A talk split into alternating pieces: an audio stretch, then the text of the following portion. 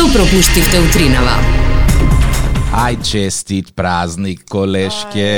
Ај, колега, благодарам за бурев. Ау, па ти купив цвеќе утринава. Да? Да. Леле, какво? Е, љубичици толку убаво што решив да ги отпакувам и да ги ставам во твоја честна маса во, во дневна. Какво, бебе, тој поклон што го користиш малце, па после го даваш? Па не, бидејќи ти поминуваш тука определен А, дел од знам, времето, знам, знам. тоа ќе биде дел од тебе што ќе ја краси мојата куќа на овој прекрасен празник на жената Ти денеска. всушност сакаш да бидеш сигурен дека подарокот што ќе ми го дадеш е добар за мене и моето здравје, па сакаш да го отпакуваш, да го провериш, па после браво бе колега, ти си мојата гаранција. Да, јас не смеам да дозволам ништо со лош квалитет да дојде кај тебе. Браво. Истото се важи и за сите оние тави, тенџериња, усисивачи и слични работи ги. кои што ќе ги дарувате денеска. Па, после тоа може ги завиткате. Аха, браво бе колега. Е, Денеска учителките ќе се претворат во подвижни кебани, барем оние што кои што на одат на работа. Оние другите кои што држат часови онлайн, мислам дека ќе си добијат некој виртуелен е, подарок од типот виртуелна ружа, виртуелно кактусче, виртуелно мече или слично и тоа е тоа. Ќе чекаат некои подобри времиња за да може да си ги добијат е, работите од е, своите ученици. А се тоа може да се заврши со некоја валута помала од биткоин, на пример. И наставачки сачки ние се собравме цело делење, ви спративме, не знам, мини е, Биткоин. биткоин, да, на вашата сметка. И вај, фала, фала. Нема да знаеш што е тоа наставничка, така кажеш. Нека ми го даде мене, јас ќе го Место ружи, вика место ружи некој биткоин ти ми даваат децава. Да, Што е бе, десетина биткоин ти ми имаат дадено. Дали се уште во основните, па и во средните училишта важи и она групно купување на подарок за учителката од цело оделение? Нема да ми веруваш, ама утринава додека се спремав е тоа размислав. Да сум наставничка, дали сакам 30 помали подароци или сакам еден поголем? Согласно закон за спречување на корупција, наставниците се водат како јавни службеници, а во законот јасно е дефинирано до колку максимум може да биде вредноста на подарокот. Така да мислам дека во овој случај 30 помали е подобар од еден голем, затоа што со тој еден големиот може би да навлезеш во тоа прекрашување на законот. Ама и од друга страна 30 ситни, ехе, тие што не ми се допаѓаат, онда ги проследувам. Свекрва, с, е, золва, сна, не знам, натак. Морам да ти е, споделам една интересна приказна од една наша е, општина, анонимна е, ќе ја оставиме, на, на тема така споделување на, на подароци mm -hmm. и ова е, баксузно баш се има случано за 8 март пред е, неколку години.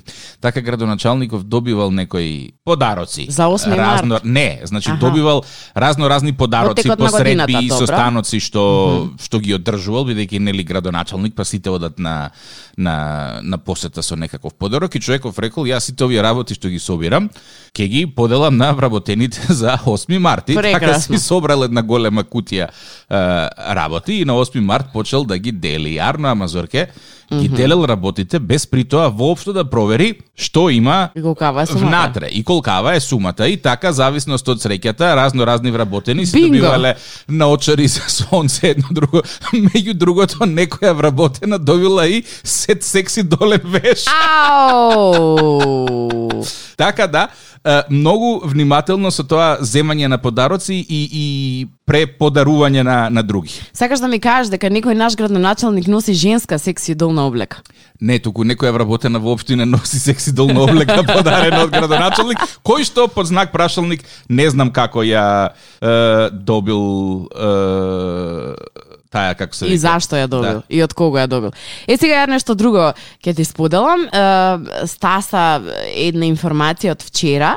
Вели подароци за жените учесници учеснички во сообраќајот по повод 8 март и ова се случува во СВР Тетово. 50 на жени учеснички во сообраќајот при вршење контрола им доделија подароци во пресет на утрешниот меѓународен ден на жената. Дрн дрн, добро. И сега јас овде гледам фотографии на наши е, припадници на МВР како делат ружи на жени. А, па и Ама имаме година не, не, не, така. не, ништо спорно нема во тоа. Спорно има во следните фотографии. Три од три жени на кои што им се делат цвеќиња не носат маски. О, Дали е, дарувањето одеше вака, окей, повели цвеќе и е, за тебе Казна 20 нема евра. казна 20. Не бе нема казна за тебе 20, 8 март ви утре. Или тргнете ги маскиве за да се сликаме. Тука мислам дека има цела утка направена.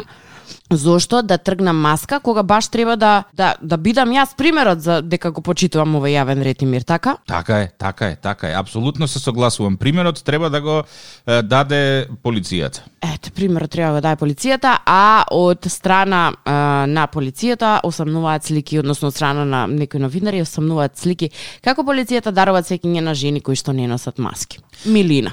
Од друга страна, пандемијата со коронавирусот зема замав. Вчера со авион на Air Србија стаса е, неколку илјади вакцини Три, кои што од од утре, односно од задутре ќе се пуштат во оптек. Јас само се надевам дека во ланецот на дистрибуција нема да се направи утка, па во Министерство за здравство да завршат е, лаковите кои што Мими Нокти шести профил ги порача, а вакцините да завршат кај Мими и Мими да се чуди што е ова што стасало од Кина, затоа што со нашите поштански услуги, па се е можно. Е, Ногти плюс гратис вакцина. За секој од вас во повод 8 март. Милина. 7 часот се 37 минути, понеделник е 8 март, прогнозата ја утна, најавата беше дека ќе има сонце, меѓутоа од сонце нема ниту С, ниту онце, дали ќе се појави во текот на денот ќе видиме. Е, на тема, многу кратко, на тема сонце и кај ми е сонцето и дали ќе имаме сонце и кога ќе го имаме сонцето, во моментот нула степени, верувате ли? Јас се сеќавам на некои години кога носевме на наставничките подароци вака за 8 март дека беше бајаги топло. Па ќе те дотера мајка те во фустанче, па во хулахопчиња, значи да те остави мајка ти у хулахоп ќе додиш еднакво на 10 степени веројатно. Веројатно. Да. А еве утринава 0 степени.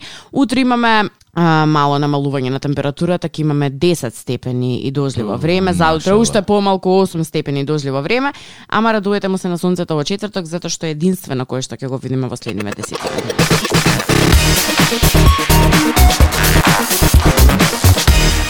Вчера се растурила некоја свадба е муабетот. Вчера се растудила некоја свадба и тоа ни помалку ни повеќе во Тетово затворен хотел, во кој според првичните информации вчера вечер била организирана свадбата, а на веселбата присуствувале неколку десетици гости кои сепак не успеале да го завршат веселињето. Значи, тоа ти се вика буквално ги имаат фатано на средоро. толку. Дечко уште три имаше до, до крајот на орото толку стоп. На веселбата присуствувале неколку десетици гости од државниот пазарен инспекторат и од МВР, е, од каде денеска најавуваат повеќе информации за случајот, потврдуваат дека гостите се испратени дома. Добро, морам. Каде би ги испратиле ако не дома? Морам реално? да кажам, морам да кажам. Значи, тоа некако му доаѓа као не си поканил, ама дошле на свадбата луѓе кои што се задолжени по протокол да испратат све дома. Знаеш, онака кога седиш дома и гости седат, седат, седат. Ја баш во таков момент би сакала да дое некој да ги испрати дома. Добро утро. Го добивте шоуто на Тик Так и Зорка. За роден дени, ве молам притиснете 1. За разговор во програма, притиснете 2. Вашата селекција не беше препознаена. За разговор во програма, притиснете 1. За роден дени, притиснете 2. Не ве разбравме. Да се обидеме со говорна команда. За роден дени, кажете 1. За разговор во програма, кажете 2. Два. Ало, Ало, добар ден. Добро утро, добар ден. Во програма сте како може да ви помогнеме? Сакам првин да ви почеститам на вас Зорка празник. Е, Денеска. многу ти благодарам. Тука ваш редовен гледач. Слушател. Да, слушател, да. Добро. Кико, Кико, онма. Чекај, Кико Марковски? Да, да. Леле, па се знаеме како не се знаеме. Фала ти, Кико. И толку имам да кажам. Вашиот повик е лимитиран на 30 секунди. Време одбројува сега. Толку. Се слушаме, ете, толку, толку. Ти благодарам, ти си прекрасна секретарка. Во секое време. Прекрасна, прекрасна. И застанавме кај свадбата, ако не се лажам. Да. Испратени се сите дома, свадбарите толку. Мене некако и крива ми е за сите тие што се подготвувале, па се стегале А што во мидери. да се? Чекај бе да ти кажам тик-так. Луѓето си викаат леле, свадба никаде не сме биле. Па то тетки купувале мидери, пошто од короната сите се здебеливме. па тоа натиска и се во мидерот. Знаеш како замислам како јако обликувам мидер? Од едната страна супруга држи, од другата страна се крвата. Буткај! И Зорка скока, вака скока и нели навлегуваш некако во Дури мидерот. и сега во, во со новиот Стас, од како ославе, истите проблеми? Е, Не. не знам, сега не не сум ставила мидер пошто Нема за на да вистината одиш. нема свадба, да, ама обично некако така тоа со мидерот се случува. Е сега проблемот настанува кога ти се приоди во веце. Нема соблекување, Тоа трпиш до дома. ние мажите ги имаме тој проблем кога носиме панталони за скијање. Значи не постои пострашно нешто од тоа да одиш во тоалет кога си на скијање. Па тоа зорке откопчуваш, па еден леер, па втор леер, па хеланки. Па сега сосема ми е јасно какво е тоа чувство да да откопчаш мидер. Е, само тебе панталоните за скијање ти држат топло, а мене мидерот ми држи стегнато. Па сега видите кој може поише да издржи, ама најчесто мидерот победува и јас морам да во веца го соблечам затоа што не се трпи. Меѓутоа многу е битно дека си влегол, сите те виделе, ау, струкче направила Зорка, а Зорка не може да мрдне. Не дај Боже некое непланирано движење направиш, готово отиде тоа све. Замисли како се држат само органите внатре вака. Во што состојба. изгрешивме, што изгре... Е, така, некако и сега замислите сето тоа, да се навратам на свадба, сето тоа, плюс локми, плюс е, трепки, плюс тука е, окото солзи, па се бришаш да не нешто е, не дај Боже, имаш некоја симптома на корона, па не мирисаш, па едно. Страшно, и доаѓаш на свадба и свадбата ти растураат. Страшно. Мислам, не знам што бараат институциите тука да свадби да растураат, кога да нема Ја, други работи што сум- треба да се Ја бркаат. да сум на, на местото на некоја тетка, вадам митрот вака, ткш, го правам. Прашање е Страшно. дали ти како како пејачка би се согласила да пееш на на свадби од е, плексиглас. Од што? Позади плексиглас. Тоа е сега ед- едно од барањата на Аха, тоа му на доаѓа некако организаторите. како аквариум. Да. Ау, па ја би била сирена бре во тој случај. Група Си. И почува некоја песна тага тага тага тага и сега види тука више нема потреба не ја фаќате пе- певајката со мрсни раце, више не можеш да ја фаќаш пе- певајката. Ама не оставајте оттисоци на Не оставајте прозорот. отисоци ве молам и одма сандаче поставаш дранг дранг со музичка желба, од другата страна вака излега како факс. И ти имаш како, знаеш како во кафичи кога куцаш на компјутер и излегува Да. така, е вака исто. Куцат, ја сакаме Јовано Јованке излегува од другата страна. Крррр, и ти ја вадиш 500, че викаш, а добро за 500 може, ја знам. Јовано Јованке како го ти да беше, сум ја заборавила.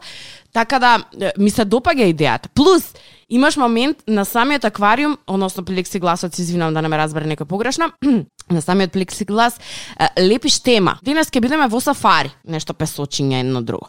Па не знам, денес ќе бидеме во море, па Тоа моренци. секој ден имаш нова тема. Ао, па Никогаш тоа, нема да ти издосади. Јас ќе бидам креаторот на тие аквариуми, мене да ми се обратите. Имам толку многу идеи. Значи, види, полека полека во овие корона кризиве изнаоѓаме нови бизниси кои што може да бидат доста вносни. Еден од тие бизниси е и декорирање на кукичката на пеачката. Кукичката аквариумот.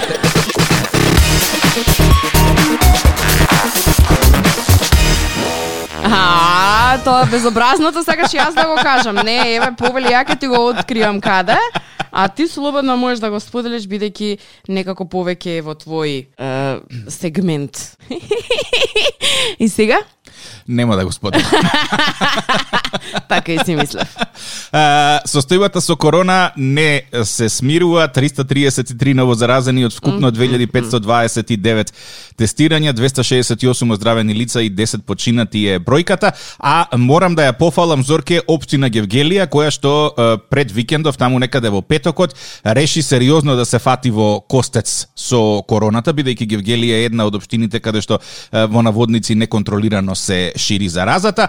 Апропо тоа, локалните општински власти решија да ги затворат сите жаришта на корона, а тоа се детските игралишта.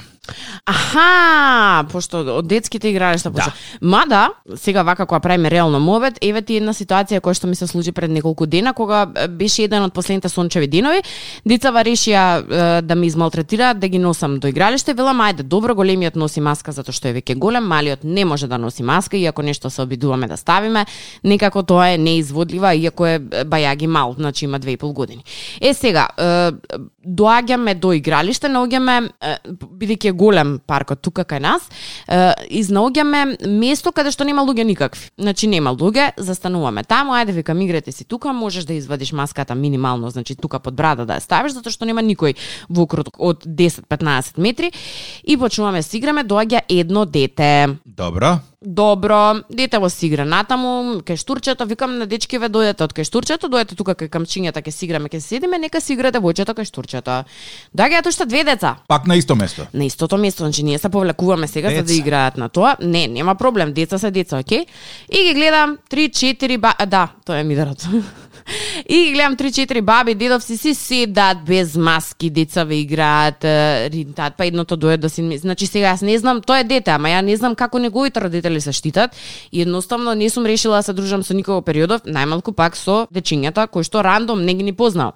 А гледам дека и бабите дедовците едно штитење што да ти кажувам, тука си се измеша сите, муабете си прават. Видов, не видов, си ги собрав дечињата, отидовме на друго место, да речам едно 15-20 метри подоле. Па гледам дека нема никој, само што застанавме, ајде врво улица од сите страни, викам, окей, дечки изгледа нас денија денот да останеме сами да се подружиме.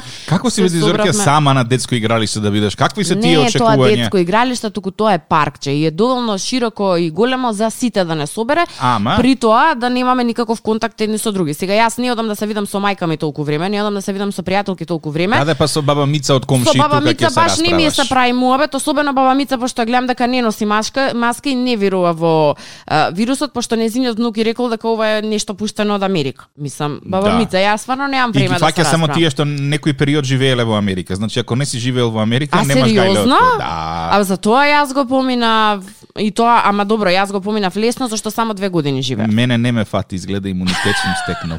Веројатно да. Ма на тоа седење на бетон мене ми е чудно како воопшто не фаќа вирусот, меѓутоа добро, тоа е тоа. 8 и 12, ние не честитавме на сите драги наши слушателки 8 март. Имам порака која што морам да ја споделам, баш 8 мартовска. Вели вака. Среќен 8 март Зорке и на сите слушатели се најубаво. Поздрав од Кичево, има сонце кај нас утрово. Ве слушам со слушалки секое утро и ви благодарам многу на прекрасната програма.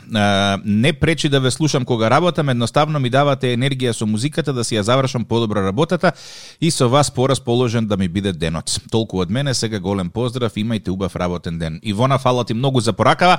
Пораки се тоа што мене и Зорка не, не мотивира да го правиме вашето утро да, поинтересно. Да, да, апсолутно. Ти благодарам.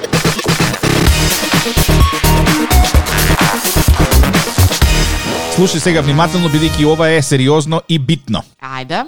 Полицијата трага по организирана измамничка група која со недели измамува граѓани од Источна Македонија и во нивно име подигнува брзи кредити. Како, како, како? Организирана измамничка група со недели измамува граѓани од Источна Македонија и во, во нивно име подигнува брзи Ау. кредити. Сумата за која што се оштетени граѓаните надминува и неколку илјади евра, а од МВР не споделуваат други детали. Меѓутоа, дел од процесот вклучува контактирање на лица преку, преку социјални мрежи, добивање на нивни податоци од типот на матичен број адреса и банкарска сметка и слично со тоа што наведените податоци сторителите ги злоупотребувале за стекнување и добивање брзи кредити од финансиски друштва во Република Северна Македонија преку електронско аплицирање во име на оштетените граѓани.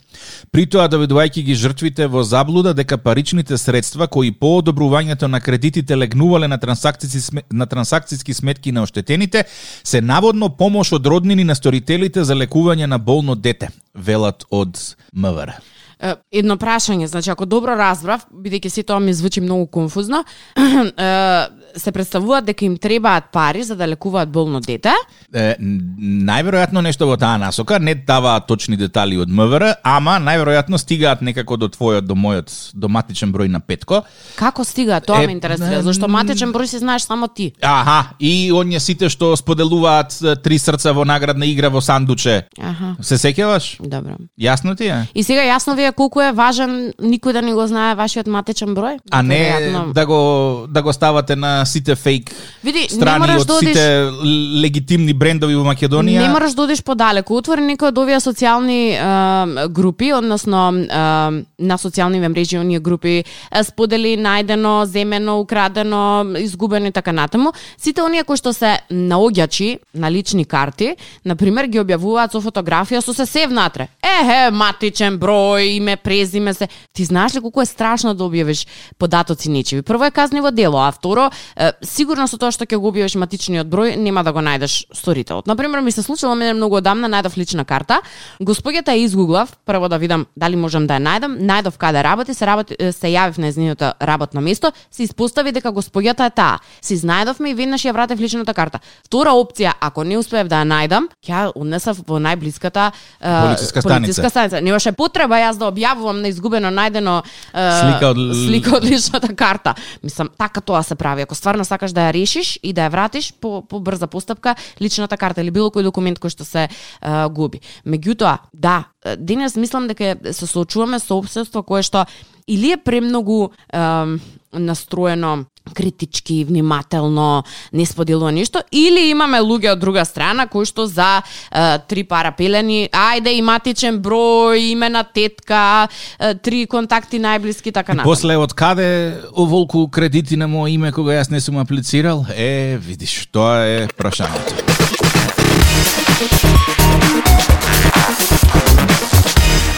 Денеска од 15 до 17 часот ќе се одржи протестен марш пред МВР со мотото држава што не постапува е држава што силува. Поводи причина е повеќе од една година откако се случи јавна соба, а нема никаква развршница за случајот. Сите детали можете да ги најдете на tting.com. Ете. И тоа ќе има, оние кои што сакате да се приклучите, ете ви можност и да прочитате повеќе и да бидете дел од е, настанот, односно од маршот. Вие другите кои што можеби е, треба да поминете од таму, имате работа, се брзате некаде и за вас информацијата дека таму ќе има гужва. Е, родендени? Родендени два а, да, денеска. Само, само е, на тема родендени би сакала да ве замолам што поскоро да ги испраќате. Секој ден иста тема е, разврзуваме за тоа дека нема место на одреден датум и дека за жал не сте пишале со време, а, а ние би сакале доколку можеме сите родендени на овој свет да ги изреализираме, меѓутоа апсолутно имаме некои критериуми кои што мора да ги спочитуваме, а тоа се не повеќе од три родендени во текот на еден ден. Така што пишувате си со време, јас и тик-так се обидуваме сите ваши родендени да ги вметнеме некако на календарот. Од денес веќе закажуваме за следна среда. Така Ете, да... толку е полно. Мислам и кога ќе ви кажеме дека стварно нема за четврток и за петок, не е дека не сакаме да ви учиниме, туку едноставно пополнето е се веќе за следна недела е, пополнуваме, а е понеделник.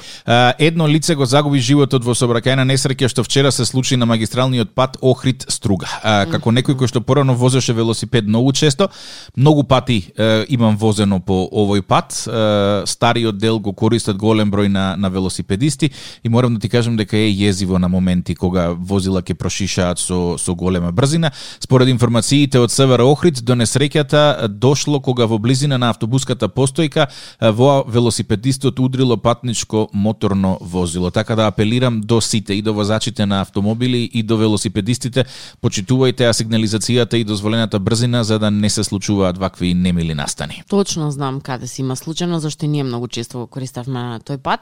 Да, таа другата патека фактички стариот пат кој што што го нарекуваат, најчесто луѓе го користат за рекреација, иако има по некое возило чат пат кој што го користи тој пат, меѓутоа па не знам зашто го користат тој пат кога новиот е веднаш до него и е нов и е како што треба и е за автомобили. Нема пристап до сите села кои што се од оваа страна ми се чини и затоа луѓето го користат. Плюс има некои кампови, Свети Еразмо болницата е пристапна по тој пат, итена, итена, итена, итена, така да апелираме, ве го доаѓа пролет, ке почнати моторчињата да се појавуваат по улиците, возете внимателно сите вие.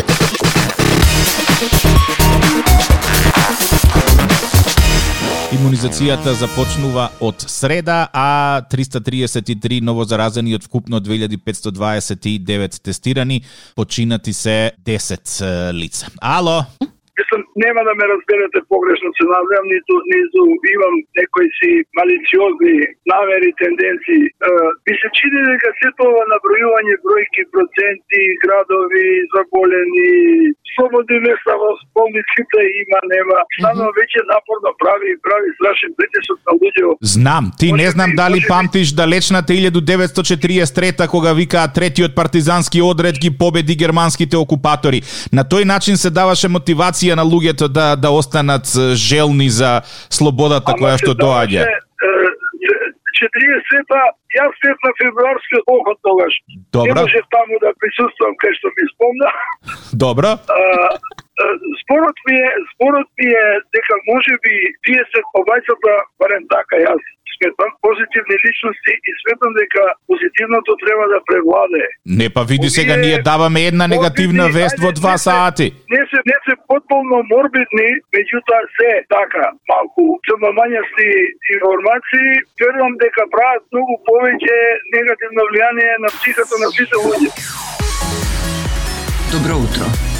Со вас се Тик-так и Зорка. Александар има роден ден утринава, велат дека слуша редовно, така да голема е веројатноста дека Александар ќе не провали, ама ајде да се обидеме. Градежен инженере. Ало, Ало? добро утро. Да. Како сте? Добро утро. Добро е, работиме. Кој е на телефон? А, ај погоди од три пати. Од три пати. Да, еднаш по да Штипски, погодам. еднаш од Кочански, еднаш од Струмички. Не, не погодувам. Тик-так од Радио 2.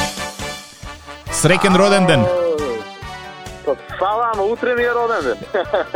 Е, како утре? Утре, 9 март. Е, жена ти утнала. Е, утнала изгледа. Е, леле, леле, белја работа. Среќа, не сум женет. Како бе не си женет? па не сум женет. Па вика од сопругата. Од сопругата. Па Да. се заебава некој. Опасно. Е па ништо, види. Пред време на честитка за утре. тоа е Не тоа. само пред времена честитка, ти треба да си проанализираш како тоа идна жена, сопруга, не ти знае роден ден, ау, ау, ау, ау. Да, да видиме или некоја лута од предходно. Да Имај прекрасен ден, друже, што да ти кажам. Поздрав, чао, чао. Ајде, чао, чао. Тик-так и Зорка, facebook.com, коса црта Тик-так и Зорка, Instagram Тик-так и Зорка, телефон 079-274-037. Доколку сакаш да честиташ роден ден, пиши ни. Сите оние емисии кои што ги пропушташ во текот на утрото, можеш да ги слушаш и на слушај.тиктакизорка.мк.